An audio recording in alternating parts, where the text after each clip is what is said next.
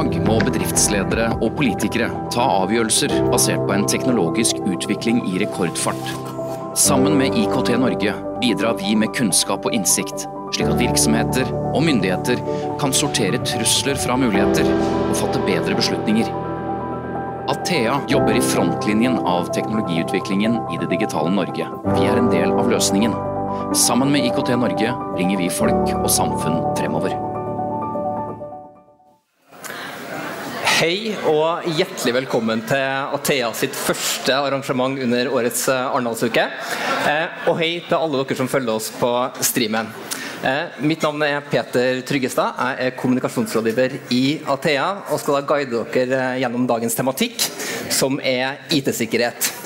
Og Tittelen på dagens arrangement er at vår største trussel den er digital, men ingen har den på agendaen. Eh, og det er liten tvil om at trusselbildet er utfordrende eh, om dagen. Eh, angrepene blir hyppigere, de blir mer komplekse, og de er mer sofistikert enn noen gang tidligere. Eh, Nasjonal sikkerhetsmyndighet anslår at vi har fått en tredobling av alvorlige hendelser de siste årene. Eh, vi i Athea vi ser en lignende utvikling. og Senest i sommer så var nyhetsbildet prega av tolv departementer som ble angrepet, eh, og i tillegg til større norske virksomheter. Så den debatten her er mer relevant enn noen gang. Eh, I dag er vi så heldige at vi har med oss et utrolig kompetent panel som skal være med å diskutere eh, og peke vei inn i trusselbildet. Eh, se på utfordringene vi står overfor. Og så må vi da komme et steg videre og se på hvilke tiltak vi kan sette i gang for å bli et mer digitalt robust samfunn.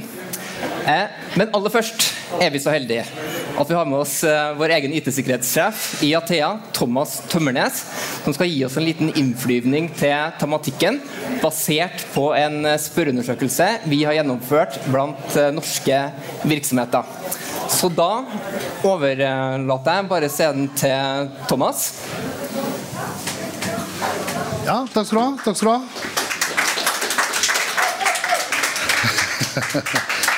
Eh, ja, Min jobb er jo da å gå gjennom litt av den spørreundersøkelsen. Jeg tenkte jeg bare skulle legge litt, litt bilde i forkant. For det er, eh, det, er, det er, noen faktorer som de fleste ikke er helt klar over. Det er sånn at I Norge i dag går vi inn på SSB, så har vi 650 000 virksomheter. Det er ganske mange virksomheter.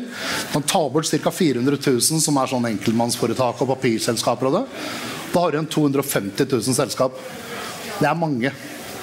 Eh, hvis vi tar det som går under kritisk nasjonal infrastruktur Det er svære institusjoner, det er vi klar over. Men så drar vi litt på og sier at det er 1000 stykker.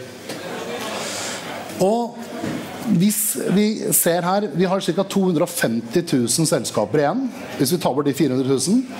Og fordelt på det så er det opptil 100. Så har du da 249 000 lån, og så har du 1000 stykker som er større enn 250 ansatte. Og vi har 3000 som er mellom 250 og 100. Det er bildet i Norge. Men det som er interessant er da, hvis du tar totalen, så vil du si at de virksomhetene som er ivaretatt av myndighetene, det er den lille streken i midten her som er under 1% av totalen. Resten må faktisk forholde seg til private aktører som det kommersielle sikkerhetsmarkedet, som da tilbyr tjenester og sånt noe for å være sikre. Spørreundersøkelsen som Peter refererte til, eh, vi kalte den bevissthet og, og beredskap, den ga oss en del eh, ikke helt overraskende svar, men litt sånn urovekkende svar. For det vi ser, da, det er at eh, når vi stiller spørsmålet om til disse virksomhetslederne om de er bekymret for å bli kompromittert, så er svaret her dette er urovekkende. Det er ingen tvil om. Vi kan se at det er 85% når du slår det sammen. Som, de er ikke særlig bekymra for å bli kompromittert. Hvilken sten ligger de under da? Altså sånn, har du ikke fulgt med i media? Altså Se hva som skjer. Altså Det skjer noe kontinuerlig. Altså Fremmede makter. Alle står og hamrer på døren vår kontinuerlig. Men de er ikke bekymra. Det er 15% som faktisk er bekymret. Det er triste tall. Så går vi videre og så stiller vi spørsmålet der om eh, man opplever at myndighetene er med på å, å styrke virksomhetenes eh, evne til å, å være resistente. Da, ikke sant? Og da tenker man ok, totalen er jo okay, ca. 65% er da tenker at myndighetene de, de gjør jo ikke noe. Eh, innenfor privat sektor så er vi ikke så overrasket at tallet er høyt. Rett og slett For det er så enormt mange virksomheter, og det er mange som er i segmentet under 100, som da er SMB i Norge og har veldig mye annet å tenke på enn IT-sikkerheten sin, ser det ut som. Eh, innenfor offentlig så er tallet urovekkende høyt der også. Eh, vi har liksom, I fjor så gikk KS ut med pålegg til kommunene om et, et, rammeverk. Man har fått beskjed om å forholde seg til grunnprinsippene til NSM. Og det er en del føringer som burde gjort at det tallet er høyere. Når vi får disse her de meningene tilbake igjen etter spørreundersøkelsen, så blir det sånn Ok, hvordan, hvordan skal vi gå frem videre? Så stilte vi også spørsmålet hvis du blir hvis du blir kompromittert, hvis du ser noe, hvem er det du ringer da? Ringer du en venn? Hva er det du gjør? Veldig mange svarer at de ringer leverandøren sin, som i stor grad er det riktige svaret. Det er den private aksen som tar vare på kunden her i Norge. Så enkelt er det. Eh, og så er det mange som ringer politiet. Eh, om de ringer for å anmelde det eller for å få hjelp, vet ikke. Vi kommer sikkert bort til det etterpå, hva politiet kan hjelpe til med der. Eh, mitt beste råd hadde vel kanskje vært å si at eh, ring de som har levert, så de kan hjelpe deg. Og så er det litt sånn perifert nedover. Eh, det er litt forskjell på offentlig og privat. Eh, litt fordi offentlig sektor har rigget seg med, med sine egne ja, sterter og, og, og kompetansehuber. Men det er eh, overraskende likt. Og så vet vi jo det at eh, NSMs grunnprinsipper det er styringsverktøyet. Det er egentlig det vi har kommet nærmest et regulativ per i dag. ikke sant? Så tenker vi ok, hvor mange er det som kjenner til det? da? Så vi stiller spørsmål om det. Kjenner du til prinsippene til, til Nasjonal sikkerhetsmyndighet? Og igjen så er ikke helt overraskende. Det er overraskende at tallet er så høyt, men at det er høyere da innenfor privat enn en eh, offentlig, det, det er det ikke noe tvil om. Men at 71% ikke skjønner hva vi prater om, da har vi en jobb å gjøre, folkens, sammen. Ikke bare myndighetene. Alle vi som jobber med dette her òg. Vi må ut og prate om det. Det er ikke noe tvil om. Eh, 71% har ikke hørt om det. Men av de 26% som har hørt om det, så er det ca. 70% som har tatt og gjort noen tiltak. Og det er, det er, ikke så rart at de opplever det, for det, de er jo litt generelle, disse her prinsippene. Og det er lett å, å begynne med noe. Eh, så det, det tallet er bra. Men at du ser på, privat, nei, på offentlig sektor her at det er 50-50. Det er faktisk en høyere andel som ikke har hørt om hennes grunnprinsipper. Det er rart. Det er veldig rart. Det er såpass mange organ som på en måte burde komme med den informasjonen. Som burde legge føringer eller appellere til. Samspillsarenaer. Altså alt dette her. Så vi er veldig overrasket at det tallet er såpass stort. Men at de 43% har gjort såpass mye, det er vi igjen da ikke overrasket over. Men at de tallene ser ut sånn som de gjør, det er en bekymring, det er en bekymring i totaliteten. altså. Uten tvil. Får vi noe svar på det, Peder?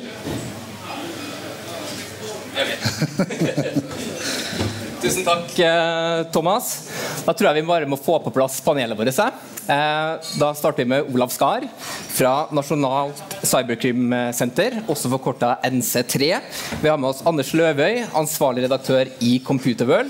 Og vi har med oss Ingunn Foss, Høyre-politiker, eh, stortingsmedlem, som også sitter i justiskomiteen. Da er det bare å finne plassen. Ja, vi bare flytter litt på oss. Skal vi dele, her, dele den? Ja. Vi deler den. Det blir tyngde i midten, da. Ja, det gjør det. ja. Um, det her er jo en del eh, kanskje ikke overraskende tall, men det er tall som gjør at man har all mulig grunn til å være bekymra. Uh, for å starte uh, lengst bort med deg, uh, Anders. hvilke refleksjoner gjør du deg om det Thomas presenterer her? Er det noe som særlig gjør deg bekymra? Eh, bekymra Jeg eh, fra pressen er jo strengt tatt ikke bekymra, for det gir jo meg antagelig veldig mye å skrive om framover. Eh, men norske mindre og mellomstore bedrifter bør være bekymra for dette her. Fordi vi beveger oss inn Det IT gjør med samfunnet og med næringslivet, er at man blir mye tettere integrert i verdikjeden det er mye større avhengighet av informasjon som går. Man ser nå at eh, man er ansvarlig for bærekraftrapportering, eh, alle mulige ting som går, sildrer ned gjennom eh, verdikjedene. Mm. Og hvis man mister tillit, så er man ute. Uh, rett og slett. Mm. Så, så, uh, så, de krav og til, ting man ser som store virksomheter kanskje kjenner til, og som vi, mindre virksomheter tenker at det gjelder ikke oss, kommer til å gjelde også eh, mindre virksomheter pga. at de blir stilt krav om det gjennom verdikjedene, mm. som bare blir tettere. Mm. Eh, så, så det, er, det, bør være et tankekors for eh, SMB-markedet at de må, må, få dette høyere opp på dagsordenen. Mm. Og Olav, En av slidene som Thomas viste fram der, var jo den, det er en del virksomheter som ikke opplever nok støtte fra myndighetene. Eh, og Du representerer jo politiet, Kripos. Hvilke refleksjoner gjør du deg om, om det? Har dere kapasiteten til å, til å bistå alle som trenger hjelp? Nei, det har vi ikke. Eh, men jeg ble litt oppløst, løftet over de grafene, for at det ser bedre ut nå enn det har gjort eh, tidligere. Eh, og jeg må ta med, ta med seg det. Ja. Og det at det er det har vært artig å kikke litt, ned i, litt mer ned i det. For det er, at det er flere som faktisk melder ifra til politiet, det syns vi er gledelig. Vi ønsker jo at det skal da følges opp med en økt kapasitet, særlig ute i politidistriktene, til å ta imot disse henvendelsene på en måte som gjør at man får mer tillit til politiet etter at man har valgt å ta kontakt med dem. Det er jo ikke så bra hvis det er slik at man ok, vi har skjønt vi skal ta kontakt med politiet, har en viss tillit, tar kontakt, og så faller tilliten tilbake til bånn igjen. Da blir det på mange måter noen sirkel. Og det er jo et behov for å møte folk som man oppfatter har peiling. Eh, og som eh, bidrar med ro når man får informasjon, og ikke bare øker stresset. Eh, for da er det jo liksom, hvis du, snakket, hvis, du har et problem og deler med noen andre, og du ser at alle blir bare mer stressa enn deg sjøl, så hjelper det jo ikke. Så det er litt de enkle tingene. Det er et arbeid på gang ute i politidistriktene. Jeg ser det jo kanskje tydeligere enn dere. Og det er ikke meninga å skjønnmale det, for det er langt fram. Så jeg kan snakke litt lett om disse tingene, for det er langt fram til det er bra nok. Men det er en økt fokus hos landets politimestere på å ta fram kapasitet til å etterforske cyberkriminalitet, særlig ren datakriminalitet. Og Det er et pålegg nå fra Politidirektoratet, og det er også et økt påtrykk fra Riksadvokaten på det området, som det ikke var for ett og to år siden. Mm. Men så er det, jo til, det er jo dels opp til politiet å forvalte midlene. Jeg vil jo at du skal bruke mye mer penger på cyberkriminalitet, selvfølgelig, og det er mange som er uenig i det innenfor innenfor politiet. Eh, men politiet må bruke mer av de pengene de har på det, og så er det behov for en større satsing på det over år. For dette her er jo ikke sånn 'flavor of the month' og 'flavor of the year'. Og det gjenspeiles jo litt i tematikken eh, på Arendalsuka, og særlig på sikkerhetssiden de siste tre, fire, fem åra. At det er mer hvert år på dette området. Og det er dypere, og det er mer kvalitet. Og folk er mer påskrudd. Mm. Uh, Ingunn, du styrer jo pengesekken. Uh, eller i hvert fall med å styre bevilgningene. Uh, tenker du og Høyre at Olav og de som etterforsker de hendelsene her, bør få mer midler til å satse? Ja, først så kan jeg jo si at det er ikke vi som styrer pengesekken nå. Nei. Er det verdt det, så absolutt. Ja, det skjønner jeg. Det er bra. Men uh, jeg tror jeg bare vil si noe litt sånn generelt i forhold til at nå er jo jeg sittet i justiskomiteen i denne perioden og vært politiker i 20 år. og det er klart at uh, denne problematikken er jo kommet på agendaen på en helt annen måte enn det den var bare for, veldig eller for år siden. Mm. Altså Dette med fake news kom jo virkelig for alvor med president Trump i Amerika. Da fikk han liksom opp øynene for er det virkelig mulig at noen med full overlegg ønsker å påvirke opinionen i en eller annen retning. Altså Det blir så systematisk og så alvorlig at plutselig så liksom skjønner folk at nei, det er ikke alt jeg leser i avisen, det er ikke alt jeg leser på nettet som faktisk stemmer. Mm. Altså Du gjør en bevissthet som er noe helt annet. Og så er det jo dette med at uh, digitale trusler, altså hybride trusler, det påvirker jo både oss som enkeltpersoner og alt som finnes av uh, offentlig virksomhet og næringsliv. Altså Det påvirker alt. Og det er klart at De tallene som vises her fra IKT Norge, er jo uh, ikke veldig overraskende. Jeg er enig med Kripos i at uh, det så faktisk bedre ut enn det jeg trodde det gjorde. Og min oppfatning er at næringslivet og bedriftene hvis det i hvert fall er en litt uh, størrelse, så er de veldig opptatt av dette. Og du har jo bankene, f.eks. Det vet jo alle her, at hvis du har en konto i en bank, så får du stadige påminnelser om å ikke trykke på lenke, om å ikke sånn og sånn. Dette, det. det har jo blitt en helt annen bevissthet rundt. Og med Telekom sant, at de er jo veldig opptatt av at uh, kundene deres, deres må bli gjort i stand til å håndtere eller å fange opp at her blir du kanskje lurt. Og så eh, ser jeg i hvert fall også i min tid at det har blitt et annet fokus. Det har blitt eh, Kripos sitt eh, cybersenter, det har blitt andre organer. ikke sant? NSM har fått noe klarere mandat i forhold til, til alle disse tingene. Så det er mye på gang, vil jeg si. Og det er kompetansemiljøer som virkelig jobber med dette. Men det er jo ikke nok. Og det er klart at Når det blir liksom sagt at dette er den største trusselen så er jo det ganske alvorlig. Og det omfatter alt. Både nasjonens sikkerhet og den enkelte eh, sikkerhet. Og så er det jo dette med overgrep mot barn, f.eks. Kjenner Kripos godt til i forhold til dette med at uh, at uh, det skjer veldig mye av det. En kriminalitet som skal prioriteres hos politiet. De klarer ikke å fange opp alt. Vi har, prøvd, vi har lansert mange forslag i forhold til Fikk mye gjennomslag for dette med at politiet kan lagre data fra åpne kilder. Mm. Det var jo en kamp. Noen mente at nei, det kan vi ikke gjøre, det truer personvernet. Der mener Høyre helt klart at det må politiet få lov til mm. i forhold til å kunne uh, komme dette problemet til livs i forhold til den type kriminalitet. Uh, og så er det jo dette med at disse plattformene, digitale plattformene eh, må rapportere. I dag er det jo sånn at eh, det skjer ting på, på plattformer som er eid av stort sett amerikanere vel, og andre land, som, eh, som ikke en har kontroll på. Det skjer ting, og de trenger ikke rapportere. Så er vi heldigvis i allianse med NECMEC i USA, som registrerer alle overgrep på nett og melder til Kripos, som igjen melder ut til politidistriktene. Og en klarer å avverge grov kriminalitet. Og så er det jo dette med økonomisk kriminalitet i forhold til de store bedriftene. Der opplevde vi jo at mange syns at eh, det er litt skambelagt å få innbrudd i nettverket sitt. For det er jo sånn at disse her profesjonelle aktørene de leide etter åpne dører. De leide etter eh, gjerder som er for lave til å kunne bryte seg inn.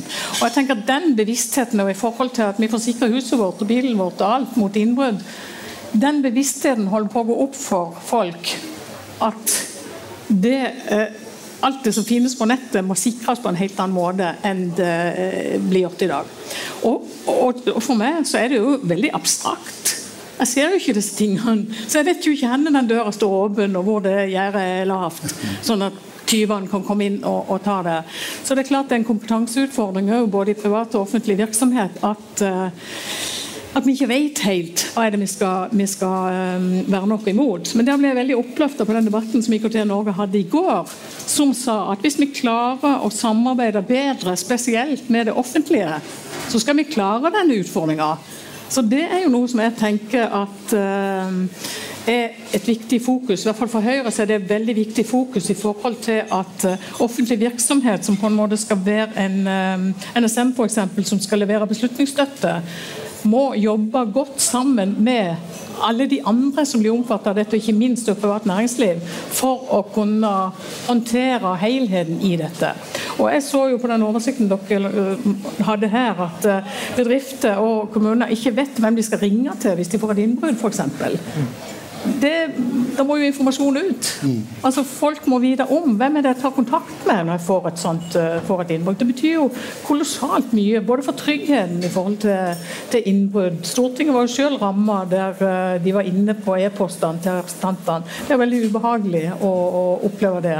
Og, uh, og, andre som opplever det, blir litt rådville, noen i hvert fall, hvis ikke de vet hvem kan vi henvende oss til for å få hjelp til dette. Så det er en stor jobb, men jeg syns vi er kommet vi er på rett vei, i hvert fall, vil jeg si. Mm, mm. Men fortsatt så er jo en del eh, ganske naive. da. Altså, Jonas Gahr Støre var ute i sommer også og snakka om den naiviteten. og Vi ser jo det i undersøkelsen også at fire av ti er ikke så bekymra. En ganske liten andel er veldig bekymra av virksomhetene vi har snakka med. Eh, Thomas, hva, hva, tror du er årsaken til den oppfatninga? Ah, altså jeg, jeg, jeg, tror rett og slett at det er, det, går rett og slett på uvitenhet. Altså at man, man, er, man vet ikke konsekvensen. Man har ikke den kapasiteten i hverdagen til å vite om det. Eh, og så er det først når du treffer deg i knærne du må ta stilling til det. ikke sant? Og, og, det er jo ikke så rart. Er du en mindre virksomhet, så har du mange jern i ilden. ikke sant? Du skal ha hjula til å gå rundt, og IT er liksom bare en greie som skal være der. Det skal liksom man ser ikke konsekvensen før, før, det stopper. Og Da kommer du rett tilbake til hvem er du ringer. ikke sant? Beredskapsplan. Ja, alle store har sannsynligvis en god beredskapsplan. Og vi ser også på den samme undersøkelsen at jo mer penger du faktisk bruker på IT-sikkerhet, jo mer bekymret er du. Ikke sant? Det henger jo sammen. Så det går på den. Men, men jeg tenker, det slo meg her i sted at eh, har politiet tenkt på hvordan de kan samarbeide med private aktører og, og eh, vise da, kall det kunder, da, eller utsatte stakkars virksomheter videre til, til, private aktører. For NSM har jo faktisk godkjent et knippe aktører som, som er profesjonelle på å, å drive med hendelseshåndtering. Så vi er jo helt avhengig, eller Samfunnet er jo helt avhengig av uh, sikkerhetsselskapene som eksisterer, som kan hjelpe til med utdanning og, og sikring og hendelseshåndtering. Og det er helt sikkert behov for mye mer av det. Mm. Eh, for det er ikke noe, det ikke noe sånn cybervesen som rykker ut med cyberstasjoner over hele landet. Det kommer ikke til å bli det heller.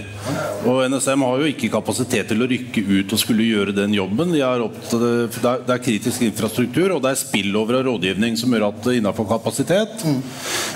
Og det er eh, ikke politiets oppgave uansett kapasitet å slukke branner i cyber, for det er heller ikke det. Eh, så, så, det må opp. Eh, og da er det jo, som du viste på, på sliden, det er kun en liten prosentandel av norske selskaper som er store nok til å kunne håndtere det der eh, ved egen kraft. Mm.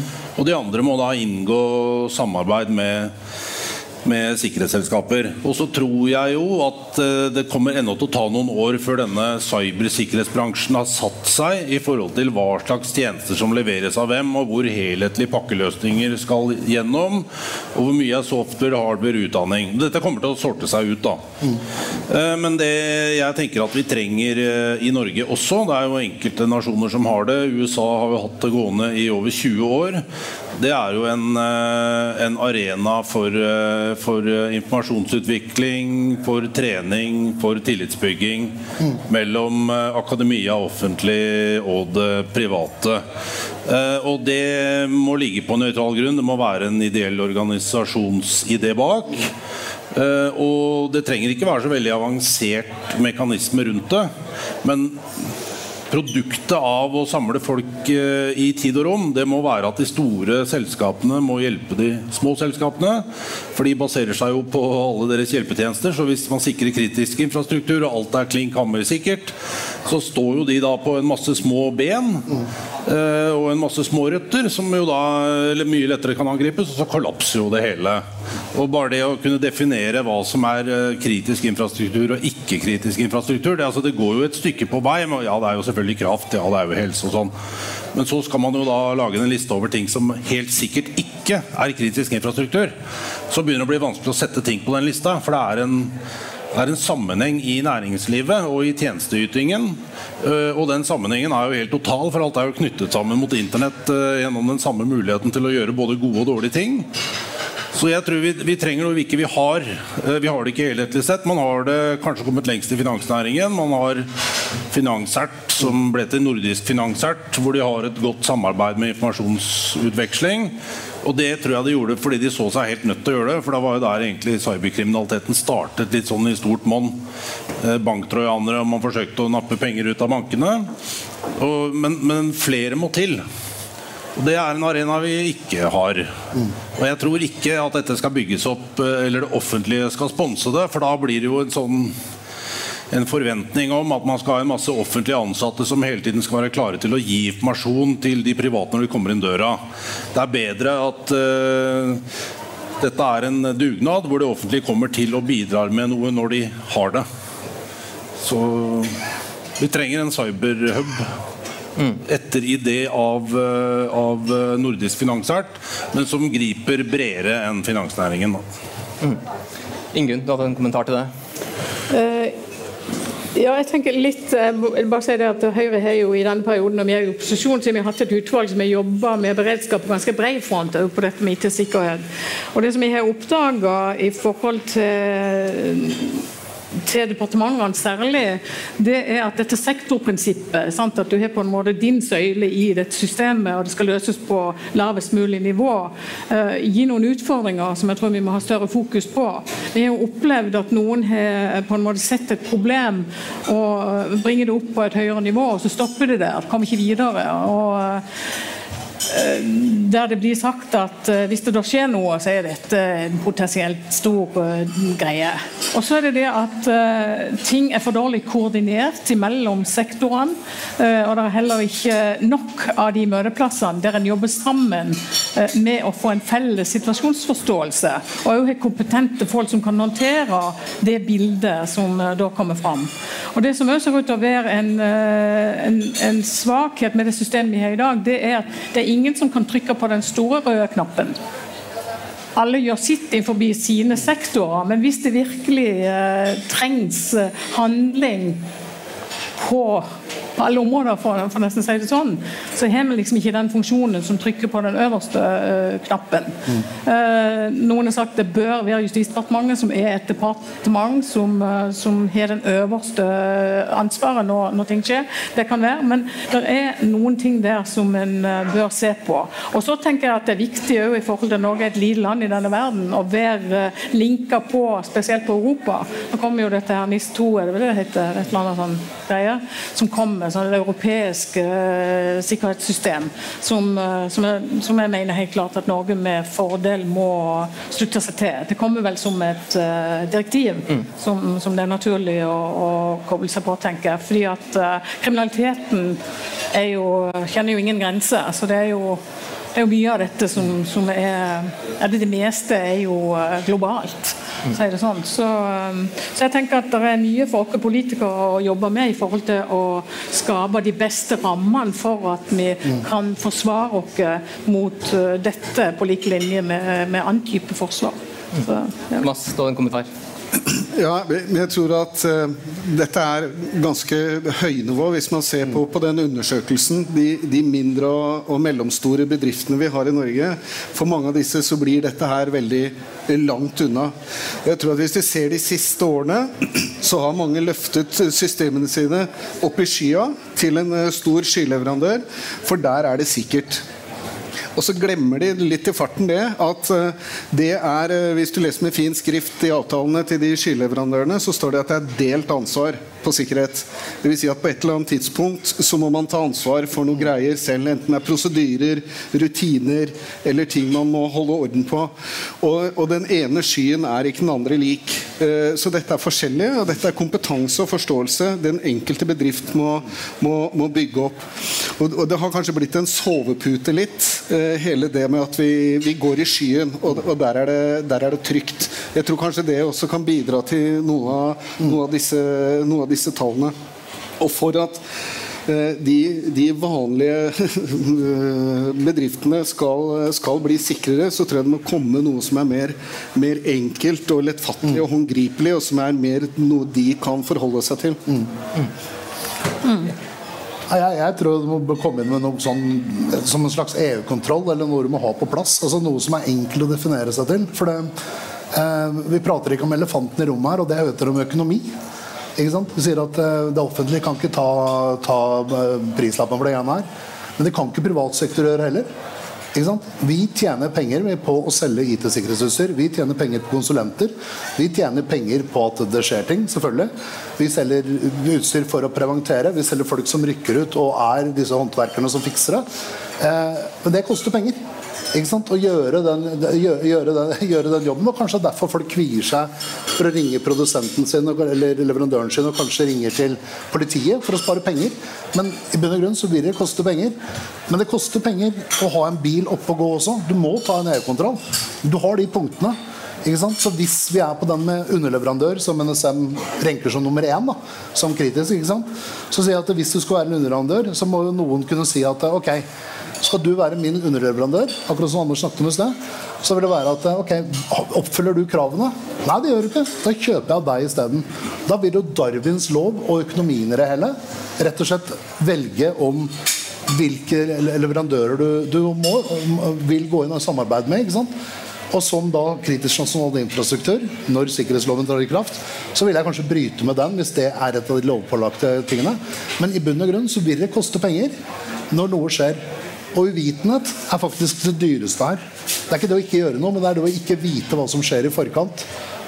Og det, og det handler om, øh, om tillit fordi Det er også en endring som har skjedd de siste par årene. Vi har sett, eh, Det er jo ikke bare politiet de ringer til, de ringer jo til Computerwell også.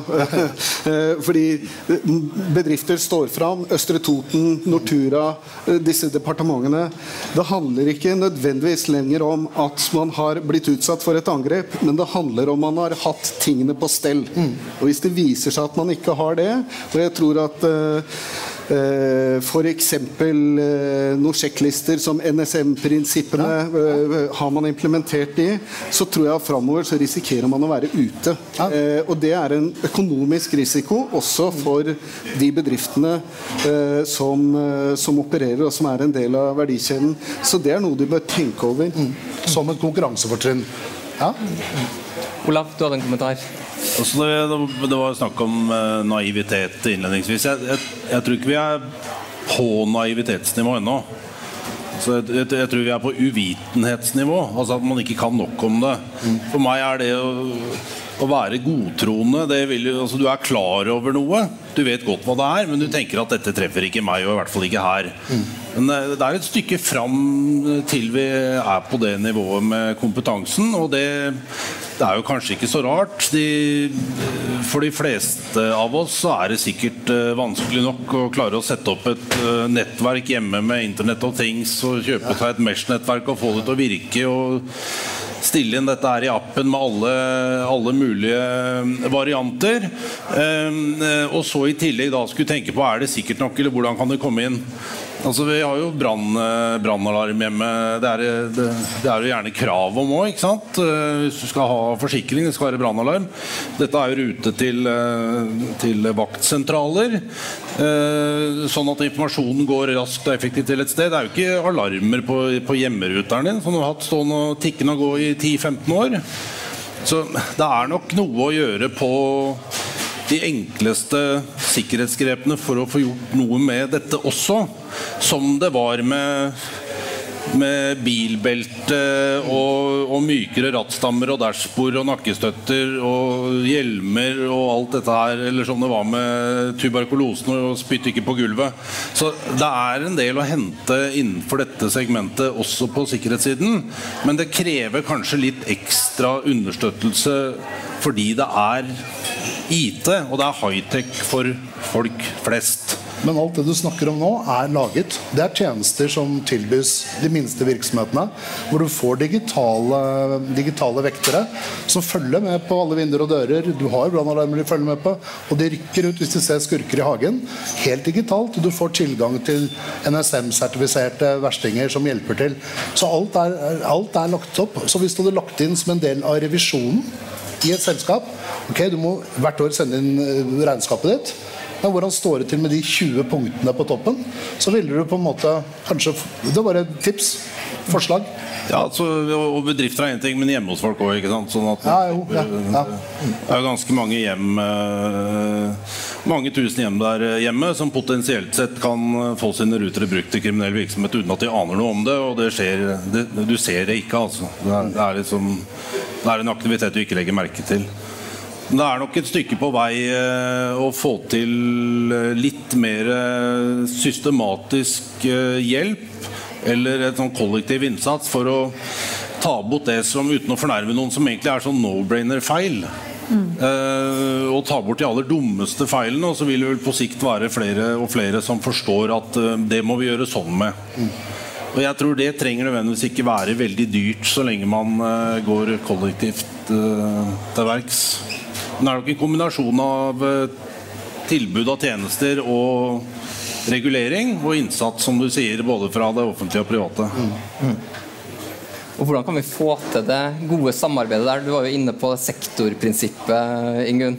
Uh, og du Anders, har jo også skrevet om det her tidligere. Hva, hva tenker du om jeg tenker på det du sa om sektorprinsippet, om at uh, det burde være en stor knapp et sted. Uh, jeg tror ikke at det er nok. Jeg, tror at det er en større jobb å gjøre i, i i, politikken. Fordi eh, det var en debatt her i går om eh, når den digitale infrastrukturen feiler, hvor de tok tak i disse barnevernssakene, og, og de var nede og, og snakket om hva som hadde skjedd, og hva som hadde gått feil. Og hvor Kristin Weidmann Wieland sa at hun tror det må til måling tverrsektorielt eh, underveis i prosjektet og når man bygger infrastruktur og, og sånne ting. At det er, her, her, tror jeg rett og slett at uh, man har en større jobb å gjøre med å, med å revidere hele den sektormodellen som er. For om du eh, setter en knapp uh, et eller annet sted, jeg, jeg tror ikke det er nok. Mm.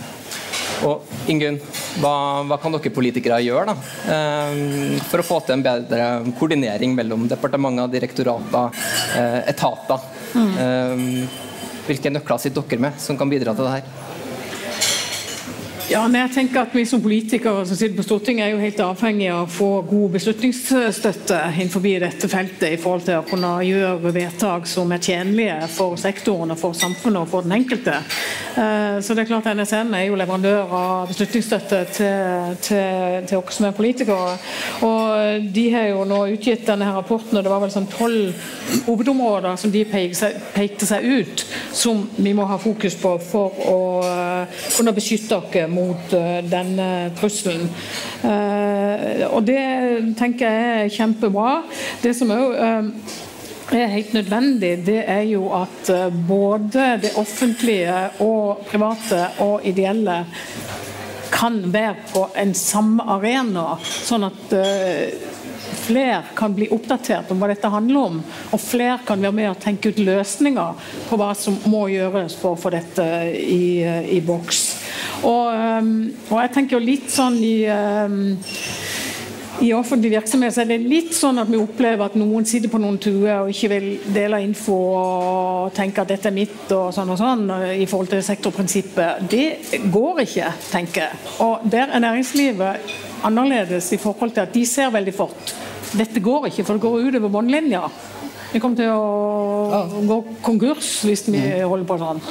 Så der er det noe i det offentlige som må uh, ta lærdom av det private næringslivet, som har litt av en tenkning om det. Uh, og det tenker jeg er en viktig jobb, men kanskje ikke en så lett jobb heller. Men, uh, men jeg tenker at med den geopolitiske situasjonen vi har i dag, og såpass mye usikkerhet så er, handler det virkelig om å finne de løsningene som sikrer oss best mulig. Og jeg tror den bevisstheten eh, ja, den tror jeg veldig mange har fått de siste to årene, spesielt i forhold til krigen i Ukraina.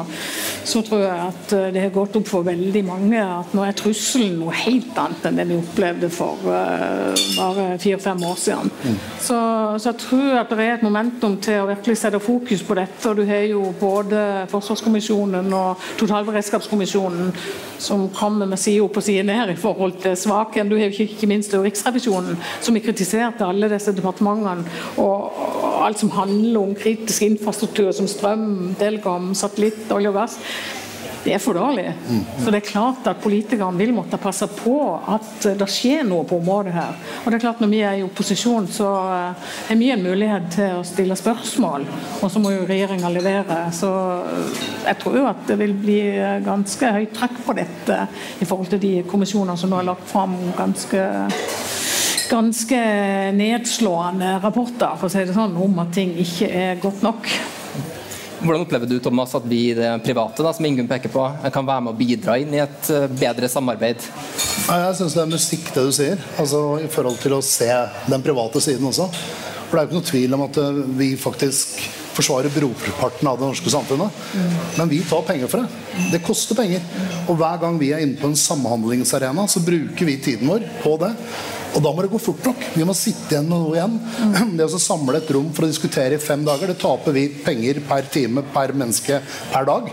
Ikke sant? Og hva får vi igjen i enden? Hva er ROI? Return of investment for den tiden vi bruker. Og det er en greie. Vi kan ikke rote bort en masse tid for å komme frem til noe halvveis. Vi må ha konkrete mål. Vi. vi skal hit, og det må være målbart på veien. Og gjerne med kroner og øre, eh, så vi kan finne ut hvor vi skal. Og da Når vi har funnet disse målepunktene, da er det mye lettere for alle å gå i takt. Da veit du når vi bryter, du vet hvor vi skal, vi vet hvordan vi skal lære opp eh, samfunnet. Vi vet hvordan vi skal lære opp ressurser som skal jobbe med dette her. Så vi har litt konkrete mål å gå etter. Det, det hyller vi. altså. Mm trenger vi en, altså Det er mye hopp og sprett på feltet. her, altså Det er ulike lover som dekker feltet. Nå Sikkerhetsloven, det kommer en ny lov om digital sikkerhet, og Nkom-loven. Det er lite lappeteppe. Mm. Eh, også andre sektorer har jo langtidsplaner. Eh, Nasjonal transportplan er jo et eksempel på det. Mm. Trenger vi det innenfor IT-sikkerhetsområdet også? Som liksom staker ut en kurs eh, og gjør politikerne oppmerksom på at her må det bevilges penger over år. Mm. Er det noe vi trenger? Ja, jeg syns i hvert fall det er et veldig relevant spørsmål. Mm. Nå, og, eh, nå, er jo det en tanke som er som er, eller et forslag vel, som er fremma fra NSM, var, var, det det, eller var det IKT Norge? Jeg husker ikke helt hvem som fremma det forslaget der, men jeg syns i hvert fall det er interessant å uh, reflektere rundt i forhold til at uh, nå er det mye det er mye hopp og sprett og mye sånn Det er mye situasjonsbestemt. Mm. At plutselig så skjer det noe, og så må du liksom håndtere det der og da uten å på en måte ha laga en skikkelig plan på hva som er truslene og hva vi må gjøre for å håndtere dette underveis. Så absolutt en god tanke, syns jeg, i forhold til å kunne håndtere dette feltet på en mer eh, målretta måte i framtida. Absolutt. Mm. Og Savner du en plan, eh, Olav? Altså en lengre, mer langsiktig plan? Det er kanskje behov for å ikke slå IT-sikkerhet sammen med IKT og digitalisering og utvikling. Jeg syns disse tingene henger kanskje litt sammen på en måte som gjør at vi, vi, tar i bruk ny teknologi egentlig litt sånn så fort som mulig. Eh, og så bestemmer vi oss for at eh, ok, nå kommer 5G, vi skal ha 5G. Nå kommer den neste muligheten for eh, raskest mulig å overføre store mengder informasjon. Og så har vi ikke regulert eh, og tenkt igjennom hva som er nedsiden av konsekvensen av det. Og Det er litt som å åpne en ny type høyfartstransportåre, om det er eh, tog eller eh, motorveistrekning med vesentlig mye høyere hastighet ut. Og så skal man da regulere etter hvert så man ser hvordan det går. Mm. Men dette er jo ikke noe det er ikke noe norsk problem og utfordring på reguleringssiden. Dette er jo et problem og en utfordring i hele verden, egentlig. Så det er, det er vanskelig å håndtere det problemet på den, det strategiske erkjennelsesnivået. Det er det. Men det er eh, hva skal vi si, det er nok ikke så mye nytt, nye typer trusler. Det er fortsatt uh, organisert kriminalitet, spionasje, det er terror og det er subversjon eller fake news. Det har eksistert uh, lenge, lenge. Men det at uh, cyber som komponent gjør at organiserte kriminelle får potensielt sett en mulighet til å ramme samfunnet som ikke har eksistert tidligere. Og Det er disse sammenhengene da, at cyber, cyberkriminalitet, cybertrusler kan gjøre så stor inngripen på samfunnet, og hvordan det er til daglig i fredstid, det tror jeg vi trenger mer fokus på, uh, også fra myndighetens side. Sånn at når det, når det, trusselbildet er godt beskrevet, så må det altså da komme noen tiltak uh, bak som er noe mer enn Tett samarbeid er kjempeviktig, og nærhet og sektor vil fikse det. Det gjør nok det til syvende og sist, men det er behov for å ta fram eh, løsninger, og det er behov for å bruke penger, og det er behov for å bygge kompetanse. og det er, eh, det er, organisasjoner som eksisterer. altså Politiet kan gjøre sin del, NSM kan gjøre sin del. Man trenger ikke finne opp alt på nytt, men det er behov for et, behov for et tydelig løft. Eh, for nå syns jeg vi reagerer når det skjer noe, og så detter det litt ned igjen. Det var mye fokus nå i sommer på liksom sommerens store cyberhendelse kommunikasjonsløsning på mobil, eh, flere departementer var rammet, da går, eh, da går fokuset opp. Og så har en tendens til at dette setter seg litt ned igjen når, når, det på mange måter er håndtert, til det neste kommer. Og det som ikke, ikke er bra, det er hvis man får 1, 2, 5, 10, 15 sånne hendelser som inntreffer samtidig, og man ikke har sett for seg at det kan skje. Da kommer man til å bruke altfor lang tid til å få orden på det. Mm. Hva tenker du om det, Anders? Er det fokuset for ujevnt? Ja, jeg, jeg, tror at eh, cyber som IT generelt er, er, jo ikke en sektor, det er en horisontal. Den griper inn gjennom alle sektorer. Og, og det må noe tverrsektorielt på plass for å, for å, få til noe. Og noen som har et ansvar for det tverrsektorielle. Så jeg tror at vi, at vi må få en digitaliseringsminister igjen, rett og slett. Det holder ikke med en distriktsminister. Eh, og, at det blir et helhetlig syn eh, både på IT og også hvordan vi skal sikre IT-løsningene på tvers av sektorene. I privat sektor så tror jeg at der kommer Darwin til å gjelde. De som ikke gjør dette ordentlig, mm. kommer til å være ute. Og det er ikke bare et par dager produksjon og en skrape i lakken. De, de kommer ikke til å få plass i verdikjeden. Mm. Så ja. Mm. Og Thomas, Vi har jo sagt kode rød, nå er det alvor. Du har vært i bransjen her i 20 år. Eh, opplever du at, eh, at, eh, samfunnet tar inn over seg at det er alvor, eller er det, er det, blir det for mye prat, rett og slett? Ja, men altså, jeg, jeg, er veldig enig ja, i at når det skjer noe, så rykker folk ut og tar noe. Når media skriver noe, så er dere veldig med på å sette det på agendaen. For da får vi masse henvendelser, og en av de vanligste telefonene vi får i perioder, er Du, jeg har lest dette her i media. Kan det skje oss? Og det er ja, selvfølgelig. Det kan skje alle. da. Og så begynner vi en dialog og nøste i det derfra. ikke sant? Og det veldig mange er jo redd for, eller var veldig redd for, det, det var jo at du skulle ringe dem. Eh, eh, og det var veldig shame ute og gikk. altså var, ingen hadde lyst til å fortelle at det var de som hadde fått en eller annen sykdom.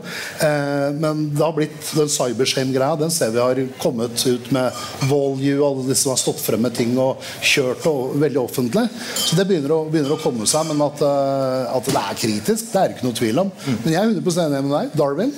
Mm. Altså for det, det hele bygger her. Altså, du kan ikke basere på dugnad. Uh, uten å ha noen klare retningslinjer. Altså, jeg var formann i et borettslag på Sagene i mange år da jeg var, var en ung mann fremadstormende med hår. Uh, og jeg måtte jo planlegge ukevis når vi skulle ha en dugnad. Hvem skal male gjerdet? Hvor mye maling må vi kjøpe inn? Hvem skal kjøpe inn malingen? Har vi penger til malingen?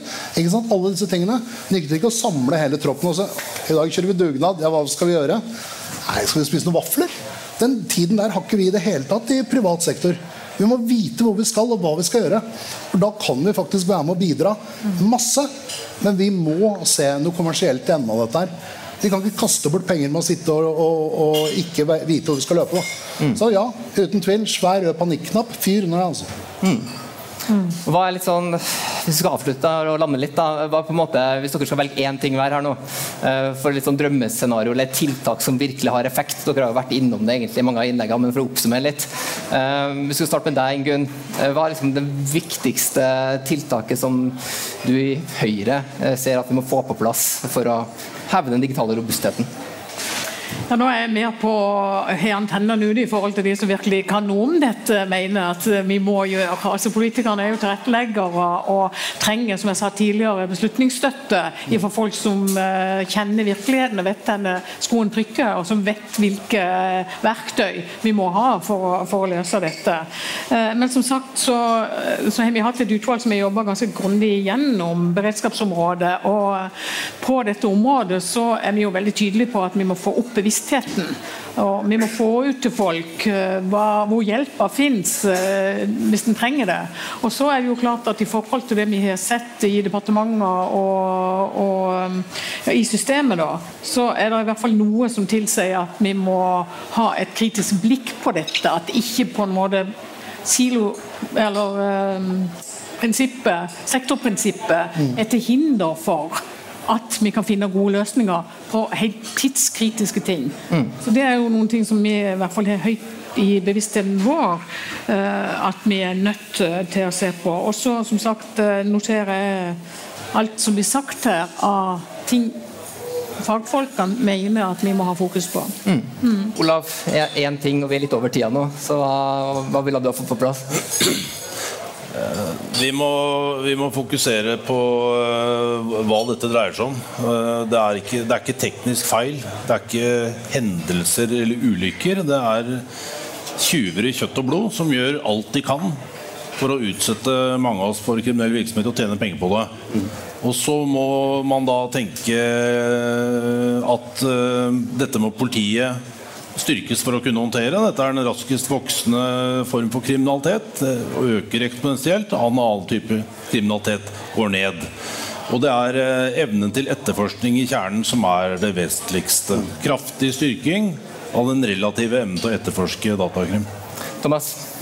Altså jeg tenker at Innenfor den kommersielle bransjen som, eh, som jeg representerer nå, eh, så omsetter vi IT-sikkerhet eh, i Norge for eh, 7,5 milliard kroner eller noe sånt. Det er mye penger. Det er en kommersiell muskel som er sterk. Vi har 700 mennesker, 800 mennesker som jobber kommersielt. Bruk den kompetansen. For vi lever av å være relevante og på topp. Bruk den kompetansen. Anders, til slutt. Ja, offentlig sektor Uh, helhetlighet. Vi må få, tak, få tilbake en digitalisering noen som et sentralisert, tverrsektorielt ansvar. Uh, I privat sektor så tror jeg det kommer til å ordne seg selv. Ja. Uh, for de som ikke har dette på stell framover, kommer til å forsvinne. Og når noen blir borte, så kommer det noen andre mm. som gjør det riktig. Mm. Så ja.